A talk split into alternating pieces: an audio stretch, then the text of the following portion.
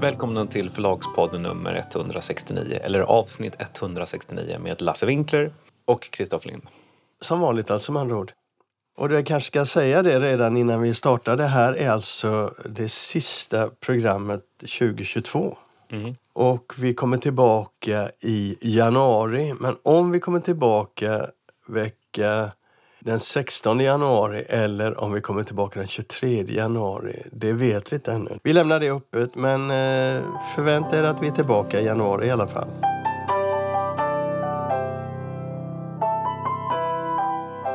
Du, det är otroligt mycket snack om det nya AI-verktyget ChatGPT. Tittar du på nätet och i tidningar så tror jag det är det mest omskrivna, de senaste två veckorna, omskrivna ämnet näst eh, kriget i Ukraina. Alla som skriver om det har testat och skriver om det utifrån sina egna yrkesroller. Jag vet på nätet exempelvis att Ukon, poeten, har testat det utifrån ett poets perspektiv. Och jag vet läkare som har testat utifrån en läkares perspektiv. Ja, den kan ställa diagnoser också, eller hur? Ja, det är alltså företaget OpenAI som har släppt ChatGPT nu. Som man får lov att testa. Det är fortfarande i en testfas. Men det är ett kommunikationsverktyg, det vill säga du kan ställa frågor till det och det svarar. Men du kan göra annat också. Och jag tror vi kommer att få se mängder av människor, även i Sverige, använder det nu och testar det för, av nyfikenhet. Och vi kommer att få se jättemånga artiklar om detta eh, de närmsta månaderna. Så vad har vi att tillföra som är intressant i den här frågan? Jag menar, vi, både du och jag har ju sagt det att de här verktygen kommer.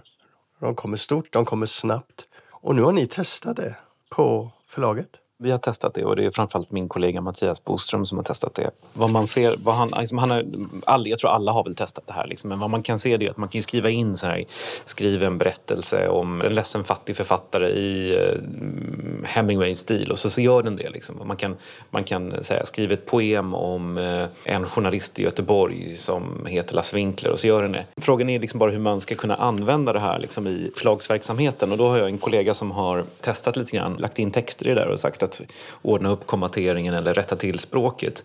Och resultatet är förvånansvärt bra. Han har också testat att lägga in en äldre text från sent 1800-tal och skrivit att liksom modernisera verbens pluralformer och bla bla bla. Skriv den i modern svenska och det har blivit, inte felfritt, men det har blivit väldigt, väldigt bra. Så det här öppnar ju upp eh, stora möjligheter tror jag. Kan vi inte läsa upp några rader ur hans mejl till dig där han redovisar sitt arbete? Han skriver så här bland annat att jag skulle definitivt kunna tänka mig en snar framtid där mycket redaktionellt arbete, ren texttvätt, sker med hjälp av ett AI-verktyg.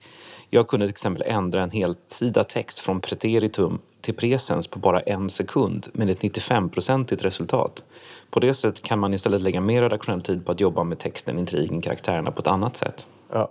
Så här säger han i alla fall från början. Jag testar vidare med det nya AI-verktyget. Jag upptäckte att det lämpar sig väl för enkel redigering.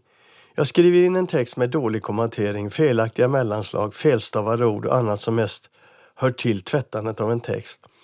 Och så ber jag ChatGPT att korrigera texten. Då får jag omedelbart tillbaka en nästintill felfri text. Om jag vill att den bara ska fixa till interpunkteringen så säger jag åt den att låta texten vara oförändrad i övrigt. Jag har även hittat på att be den lägga in en asterix på just de ställen i texten där den har gjort justeringar eller genom att lista ändringar. Det funkar också men inte alltid perfekt. Å andra sidan om man efteråt använder Words funktion för att jämföra två versioner av en text så ser man ju enkelt var förändringen har skett före och efter att man tvättat den i ChatGPT. Sen skriver han vidare. Jag kan även be den att förbättra texten. Då får jag tillbaka en text med förbättrat språk, bättre meningsbyggnad, bättre ordval. Den har redan gjort underverk med texter jag skrivit på engelska. Jag har ju inte alls den där känslan på engelskan som jag har på svenska. Men den fungerar utmärkt även för svenska texter. Om jag vill så kan jag be ChatGPT gå in och göra en text mer begriplig och det gör den också. Men så säger han då, den är inte helt pålitlig och det finns ingen manual för ChatGPT ännu. Men han misstänker att alla förlag testar den här just nu. Det har ju gjorts också en, en, en del, man, den kan, det visar sig att den kan skriva uppsatser också. Liksom. Den har ett språk som är bättre än, än liksom de flesta liksom, högstadieelever och sådär. Men den har även gjorts en del, man har låtit den skriva en del uppsatser där man har visat då för en del professorer, de kan inte skilja på vad som är skrivet av den här och vad som är skrivet av en vanlig elev. Alla kommer att bli förälskade i den här, men det finns ju då också en tanke om, vänta nu, vad är det vi gör? Vad gör vi när vi använder det här verktyget? Vad måste vi tänka på? Har du funderat på det? Visst, det finns det sådana saker, men, men det jag, jag tycker snarare att det är det är ju skrämmande liksom med, med det här på något sätt. På många sätt är det ganska skrämmande. Det var ju någon som hade skrivit till den också så här, vilka yrkesgrupper kommer att eh, liksom bli utkonkurrerade av dig eller liksom av, av den här typen av robotar och AI-teknik. Och då hade, självklart så liksom hade de ju då nämnt kundtjänstpersonal eh, och så vidare men även liksom författare, redaktörer mm. eh, och så. Det är ju liksom lite skrämmande vad den här tekniken kan göra faktiskt. Eh, men jag tror att vi måste omfamna den här tekniken för att den kommer att komma, den kommer bara bli bättre. Och sen som Mattias skrev i sitt mejl så man kan använda den till en del grovjobb som, som skulle tagit väldigt mycket tid och så kan man lägga sin egen tid på att göra liksom lite mer avancerad redigering, jobba mer med intrig, dramaturgi och så vidare. Mm. Liksom det, som, som med de flesta ny teknik så, liksom, så ersätter den inte helt och hållet tidigare grejer men den kan förbättra väldigt mycket. Vi har ju tidigare talat om det här med AI-översättningar och AI-inläsningar och jag tror ju liksom att det, det kommer vara standard om tio år. Eller kanske ännu mer snabbare, om fem år. Ja, det tror jag också faktiskt.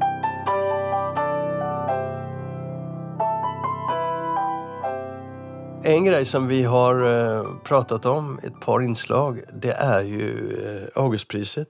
Och nu tänker vi göra ett tredje inslag, ett kort inslag. Vi fick nämligen eh, rätten utav Per Gedin, mannen som kom med idén om Augustpriset och som e-, egentligen har satt standard för vad det ska vara. Vi fick rätten att citera hans brev ställt till Förläggarföreningen. Så vi ska göra det. Och det är Per Gedins funderingar runt eh, det här samtalet som vi har haft, eller eh, runt de frågorna vi har haft. Nämligen vart är eh, Augustpriset på väg eventuellt?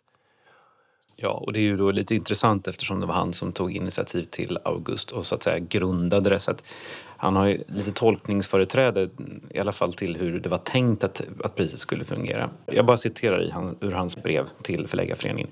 Han skriver så här, citat. Det går inte nog att framhålla att August är ett litterärt och kommersiellt pris.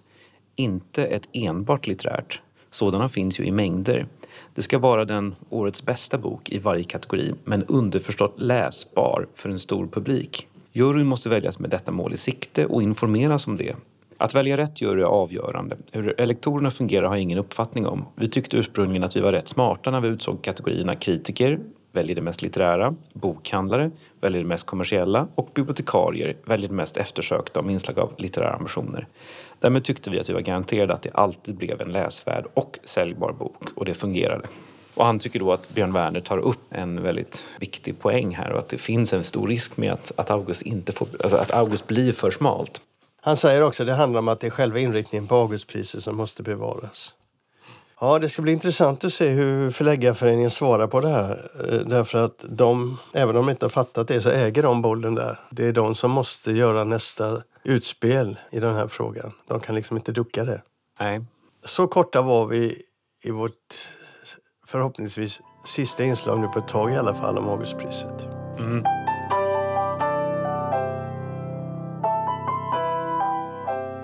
En annan fråga vi ska ta upp det är ju att Piratförlaget har slutligen fått en ny chef.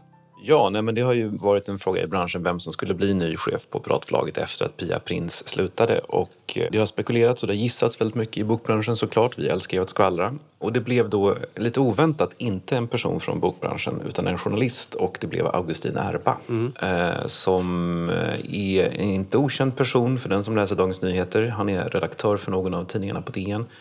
Han har jobbat på Sveriges Radio, han är krönikör i DN också och har skrivit en hel del. Han, vi tog upp en artikel som han hade skrivit förut om att bli antagen som författare för något år sedan i Förlagspodden. Mm. Han har också skrivit två romaner varav en är självbiografisk. Jag har läst den, den är mycket bra. Den heter Blodsband eller Blodsbunden.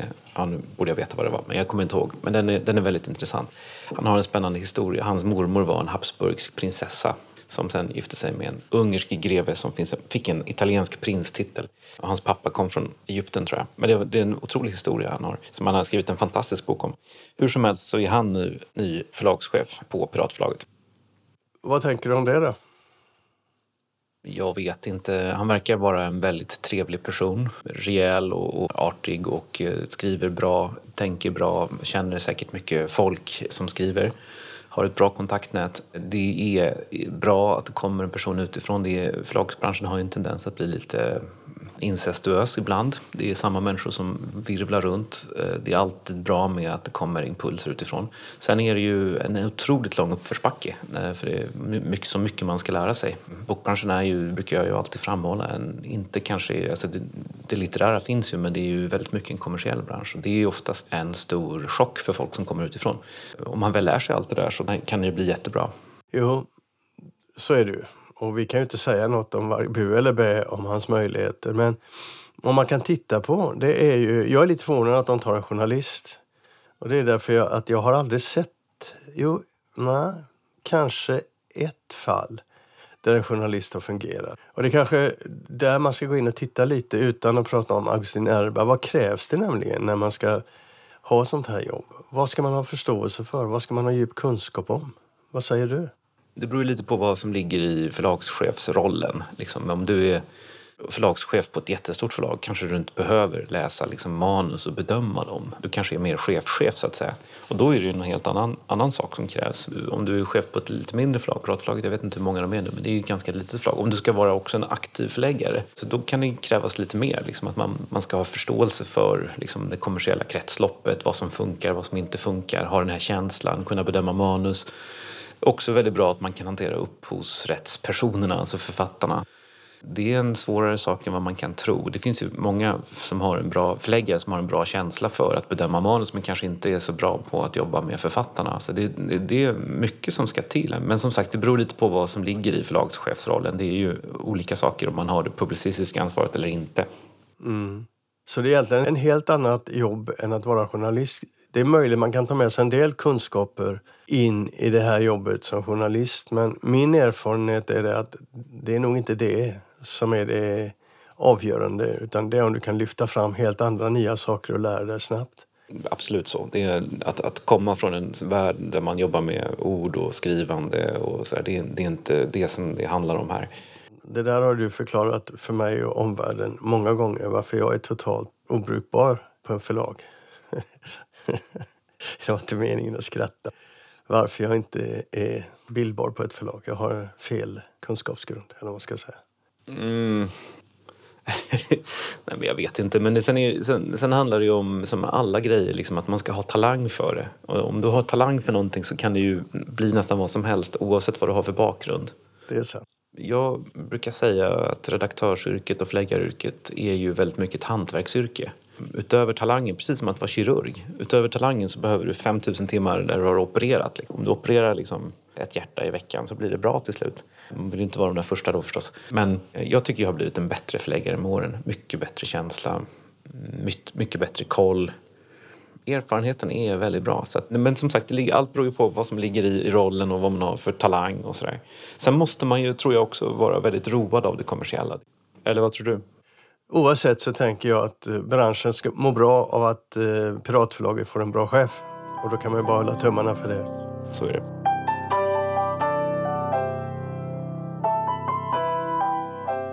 Vi pratade ju tidigare i podden när vi pratade om konflikten som uppstod när Penguin Random House i USA försökte köpa en av sina största konkurrenter, Simon Schuster. Och det amerikanska justitiedepartementet motsatte sig det och fick rätt i domstol.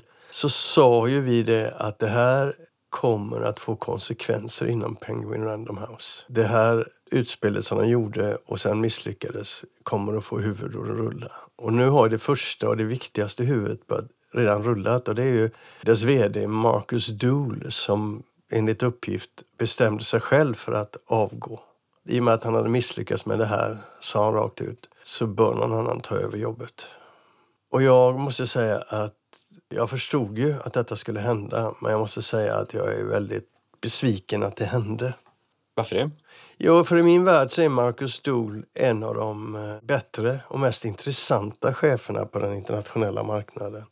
Och hans attityd till eh, arbetet och hans sätt att leda företaget, åtminstone sett utifrån från mitt perspektiv, det finns väl saker som jag inte ser internt och så, har varit eh, oerhört uppfriskande, oerhört engagerande och betytt väldigt mycket positivt för bokbranschen. Och det visar sig också att väldigt många reagerar precis så att så oerhört tråkigt att han slutar. Han hade behövts i branschen. Och eh, jag kan bara sälla mig till det. Jag tycker det var jättetråkigt att han slutade. Det låter som om du talar om en nära vän som du har följt nära på nära håll. Eller hur? Jag har eh, jag har ju följt honom, men jag framför, och, och jag har också mött honom och haft att göra med honom i några tillfällen. I alla fall så tycker jag det, att det här är en förlust för bokbranschen. Han var för duktig och han var för, eh, han var för bra helt enkelt för att hoppa av eller sluta. Men så blir det ju. I en sån här, när en sån här affär uppstår och resultatet blev som det blev så, så är det självklart att han avgår. Tyvärr.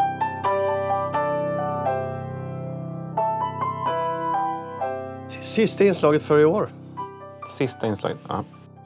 Ja, det är ett, eh, ett samtal som jag gjorde med Pelle Andersson, ägare och förläggare på uh, Ordfront. Och egentligen handlar det om att jag ville hitta ett nytt, eller jag tittar runt för att vi ska kunna hitta nya format som är korta. Och då kom jag på det att Pelle skulle få prata om det han tycker är jobbigast just nu. Och då tänker jag, då har vi en tre, fyra minuter. Men Pelle är som alla vet vältalig så blev några minuter till. Men det är väldigt intressant. Jag tycker han gör en stor insats genom att säga det han säger. Det tycker du för att han tycker som du. Ja, men han, han lyfter ändå fram fakta som ingen annan vågar tala om.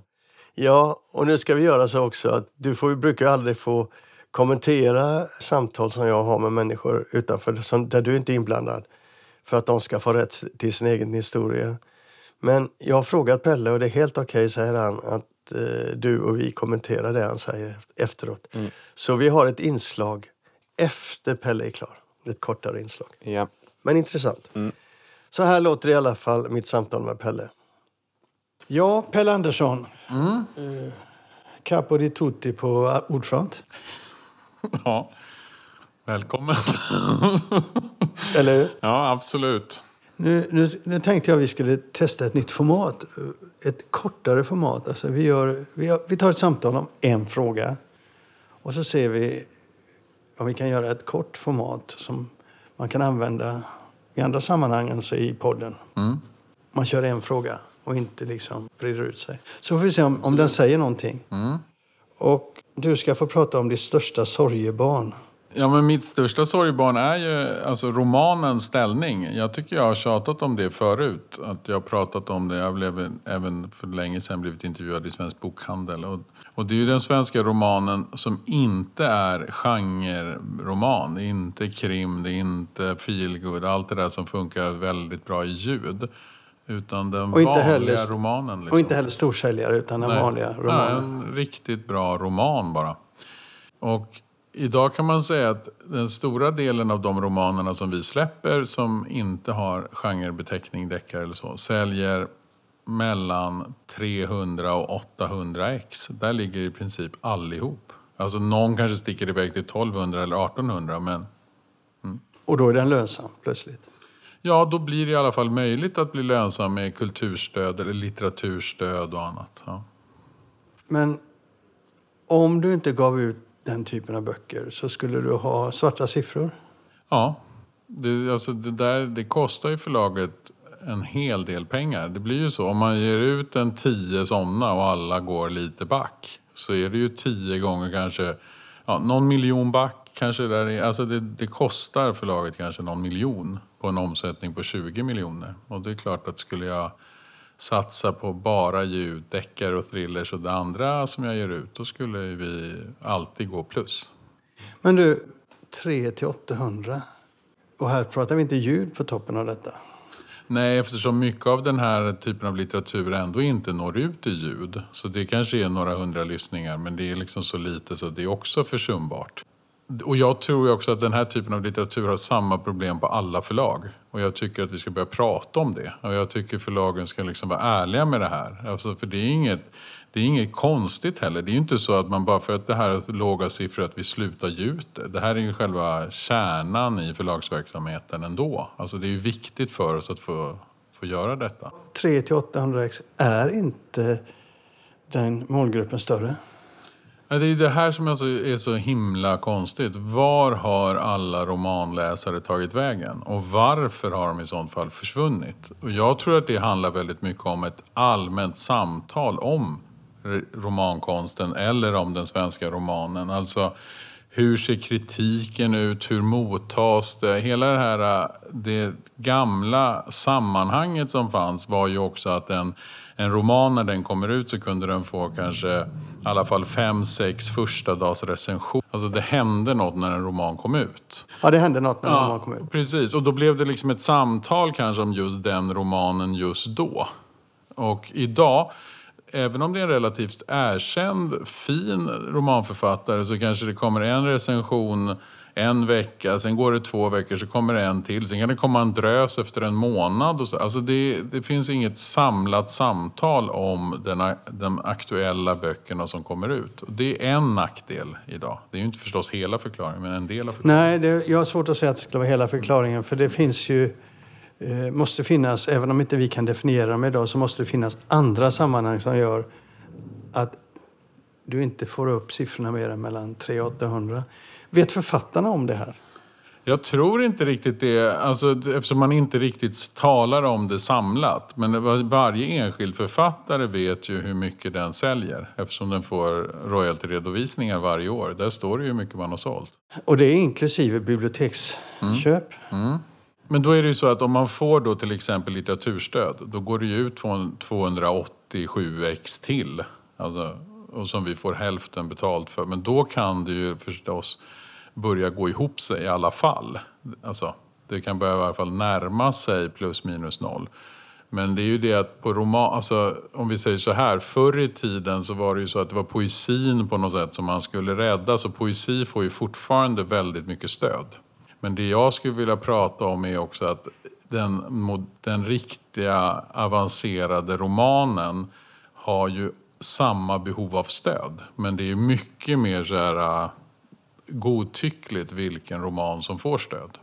Så det, i, i praktiken säger du också då att eh, du som författare ska utgå från när du skriver den typen av romaner att du får inga pengar på det. Nej, I alla fall inte på försäljningen. Det får ske andra vägar. ja. Prestige, eh, priser och så. Stipendier och Ja, allting. sånt. men det är totalt meningslöst att räkna att du får in pengar på en försäljning. Ja, jag tror också att det här är, det är samma sak tror jag som många deckarförfattare kan ibland också uppleva. att Om du kom in och etablerade dig för fem, tio år sedan eller åtta år sedan innan ljudboksboomen. Då kan du ha både en ganska stor pappersbokförsäljning och ljud. De som har slagit igenom de senaste fem, tre, fyra, fem åren, de hamnar ofta i att de egentligen i huvudsak är en ljudprodukt. Liksom. Så därför finns det ju några stora svenska författarskap inom även den här genren som jag talar om, den traditionella romanen, som har mycket läsare, absolut. Jag tror inte att Claes Östergren inte har läsare i papper, det tror jag inte. Eller Kerstin Ekman. Eller Kerstin Ekman eller P.O. Enquist på sin tid eller så. Alltså det finns många som fortfarande upprätthåller den här. För det, det har liksom etablerats. Nu ska jag gå och köpa den här boken. Och det gör det med vissa deckarförfattare också. Eller som våran fina författare John Ajvide Lindqvist. Det är klart att han säljer också jättemycket pappersböcker samtidigt som han har blivit en ljudsuccé. Så det är liksom, det finns författare som har etablerat sig vid en tidpunkt som gör att de kan fortfarande sälja en hel del pappersböcker. Ja, alltså jag är inte säker på att alla håller med om den tolkningen, men jag tycker att det är intressant att höra den. Och så får vi bara liksom fortsätta ha det här samtalet och hitta fram och se om det finns fler argument för eller emot. Men faktum är att du är bekymrad. Idag ligger den skönlitterära romanen på siffror mellan 300 och 800 i, i försäljning, i stort sett. Om vi inte pratar om de här etablerade storsäljarna. Jag ska bara ta ett tydligt exempel, för det är ganska roligt med Dag Solstad som är en översatt, en av Norges största författare, som vi precis har släppt den sista delen i hans senaste trilogi om Björn Hansen.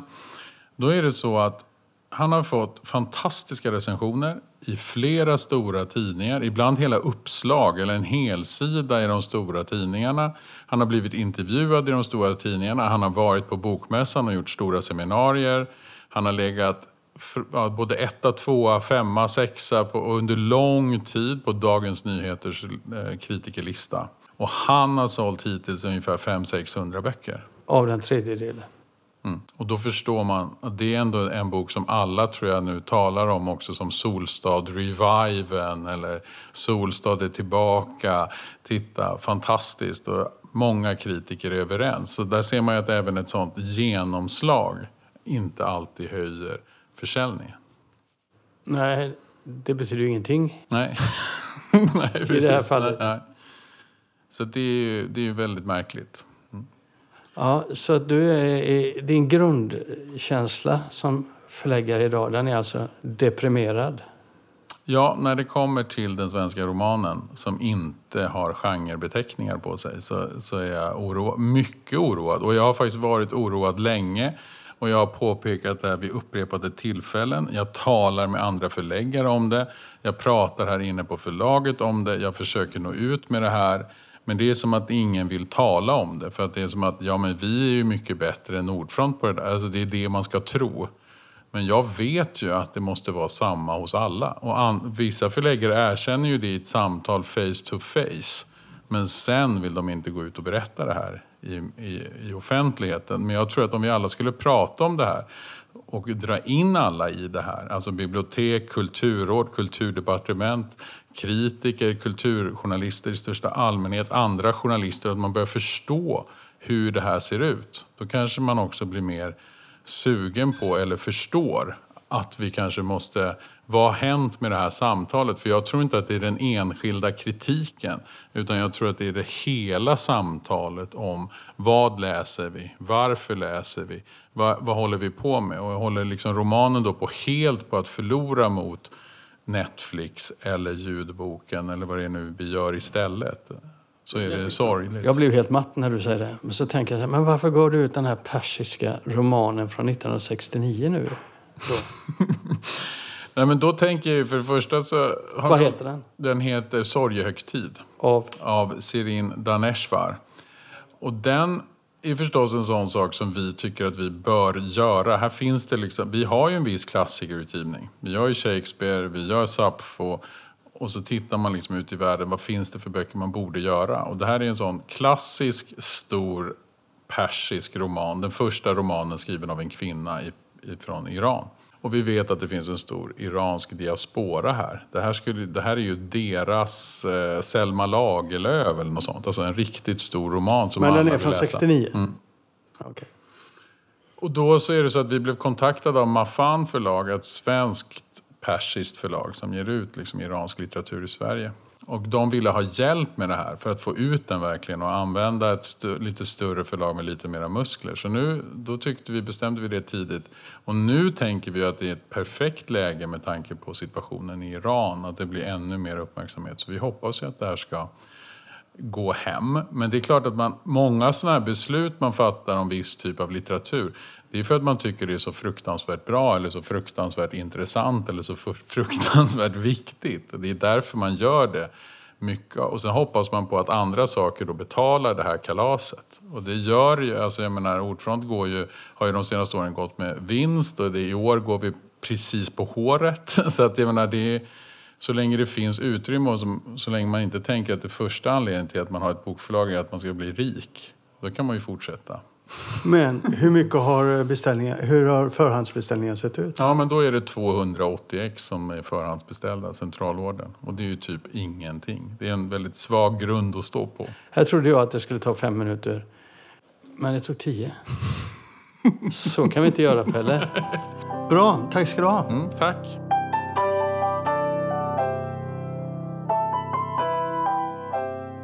Nå, vad säger du, Kristoffer? Nu är det din tur. Nej, men jag tycker ju att Pelle sätter fingret på någonting som jag tror att alla sitter och funderar på och tänker på. Och det är nämligen den vikande pappersboksförsäljningen. Och eh, Pelle talar ju väldigt mycket om romanen här. Han talar om hur liksom, den litterära romanen inte liksom, tar sig upp i tusen ex och gör det så är det fantastiskt. Det är ju omskakande det han säger om Dag Solstad som ju har fått så mycket uppmärksamhet och legat på DNs kritikerlista och Svenskans kritikerlista hela hösten och ändå inte kommit upp i, vad är det, 600 ex? Jag minns nu inte exakt vad han sa. Men det han talar om som en utmaning för den liksom kvalificerade romanen det är ju också en utmaning för pappersversionen, pappersformatet av den kommersiella eh, romanen. Och det, är ju, jag har ju, det känns som att jag är liksom den enda i Sverige som har liksom försökt lyfta fram det här. Men att upplagorna på fysiska deckare, feelgood-böcker, thrillers, de har liksom sjunkit till nivåer som är så låga så att vi har liksom, borde inte trycka dem. Och det, Christian Lönder gjorde ett, på Svensk Bokhandel gjorde ett utmärkt reportage om pappersboken i Svensk Bokhandel i september. Jag minns när jag läste den att eh, jag blev så förvånad för jag är liksom den enda i den artikeln som tar upp detta. Varför jag tycker det är viktigt att göra det, det är därför att författarna har en väldigt skev uppfattning om hur verkligheten ser ut och har väldigt felaktiga förväntningar på vad deras böcker ska sälja i papper och de förstår inte att kanske ljudboksformatet är det viktiga. Och därför så tycker jag att det är bra att vi lyfter det. Sen, Pelle lyfter ju någonting helt annat, nämligen liksom att det är en helt, ett helt utgivningsområde som är hotat för att de här böckerna som han talar om, liksom litterära romanen, den har inga ljudboksintäkter så att man får ju liksom skära i utgivningen och nästan ta bort den helt. Och det är ju en, det är liksom en helt annan dimension av problematiken. Men att pappersböckerna tappar så mycket just nu, det tror jag liksom ingen riktigt har fattat. Vilket får mig då att fråga dig egentligen hur det ser ut just nu för dig i julhandeln. Ja, jag, Vi har pratat om det lite innan men men julhandeln är, är, är kraftigt ner. När vi spelar in det här så är per det här datumet i december, per det här datumet i december föregående år så är vår pappersboksförsäljning ner med 30 procent. Och i november som också är en väldigt viktig månad för julhandeln så var den ner 23 procent. Vi är ner varje månad i år förutom i april då vi var lite svagt uppåt. Alla jag talar med har kraftiga tapp på pappersboksförsäljningen. Det finns ingen som säger som de sa i Sven, den här Christian Lönners artikel att pappersboken är fortfarande på en stabil och hög nivå. Som de stora förlagsrepresentanterna säger där envist. Eh, Det är ingen som säger det nu utan alla talar om att det är, en, det är ett starkt tapp. får jag slänga in en fråga lite från sidan? Mm. Man kan säga att det är en lyssnare inom, verksam inom bokbranschen Mm. som erinrade sig hur det var för 30 år sedan ungefär när rean höll på att gå åt helsike. Den hade stannat upp och man visste inte vad man skulle göra. Hur skulle man få igång rean? Och då kom förslaget att man skulle halvera priset på inbundna böcker. Och det gjorde man, alltså F-priset från eh, förlagens sida. Så kan det vara något att tänka på att man sänker, för priserna på inbundet idag visar ju att folk tycker att det har nått en gräns nu, kan jag tycka.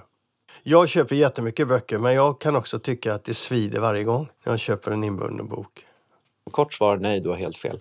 Långt svar är att eh, om du jämför med vad böcker kostar idag med vad de kostade före bokmomssänkningen och tar hänsyn till liksom, in- ah, inflationsutvecklingen så är böcker idag fortfarande billigare än vad de var då.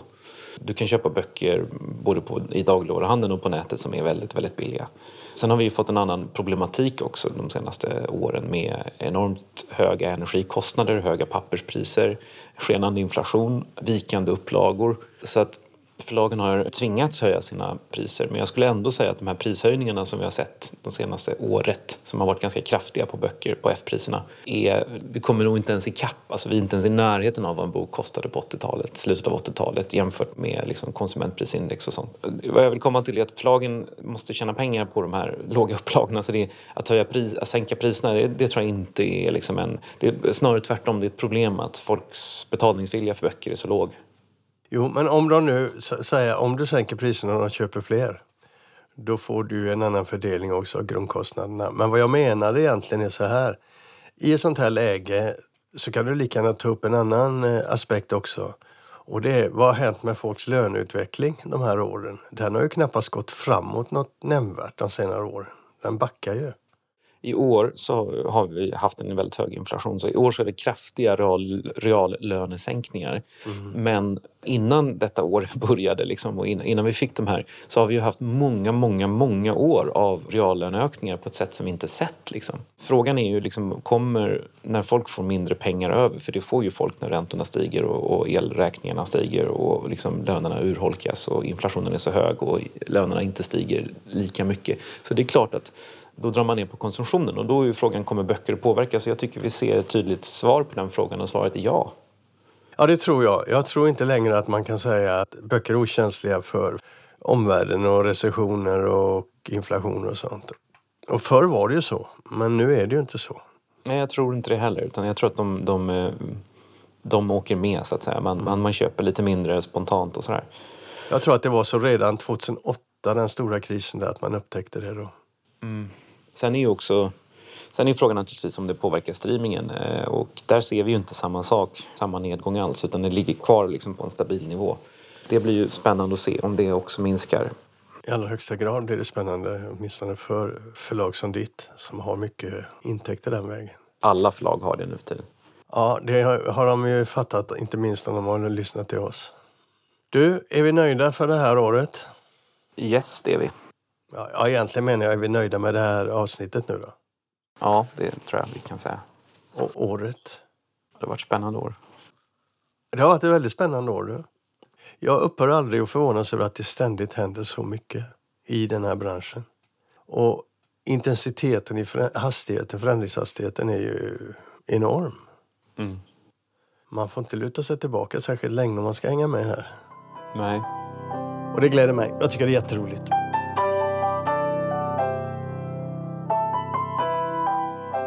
Nu kan vi väl åtminstone önska alla en trevlig långhelg, eller hur lång den nu blir för alla. Vi kan väl önska alla en trevlig helg till att börja med.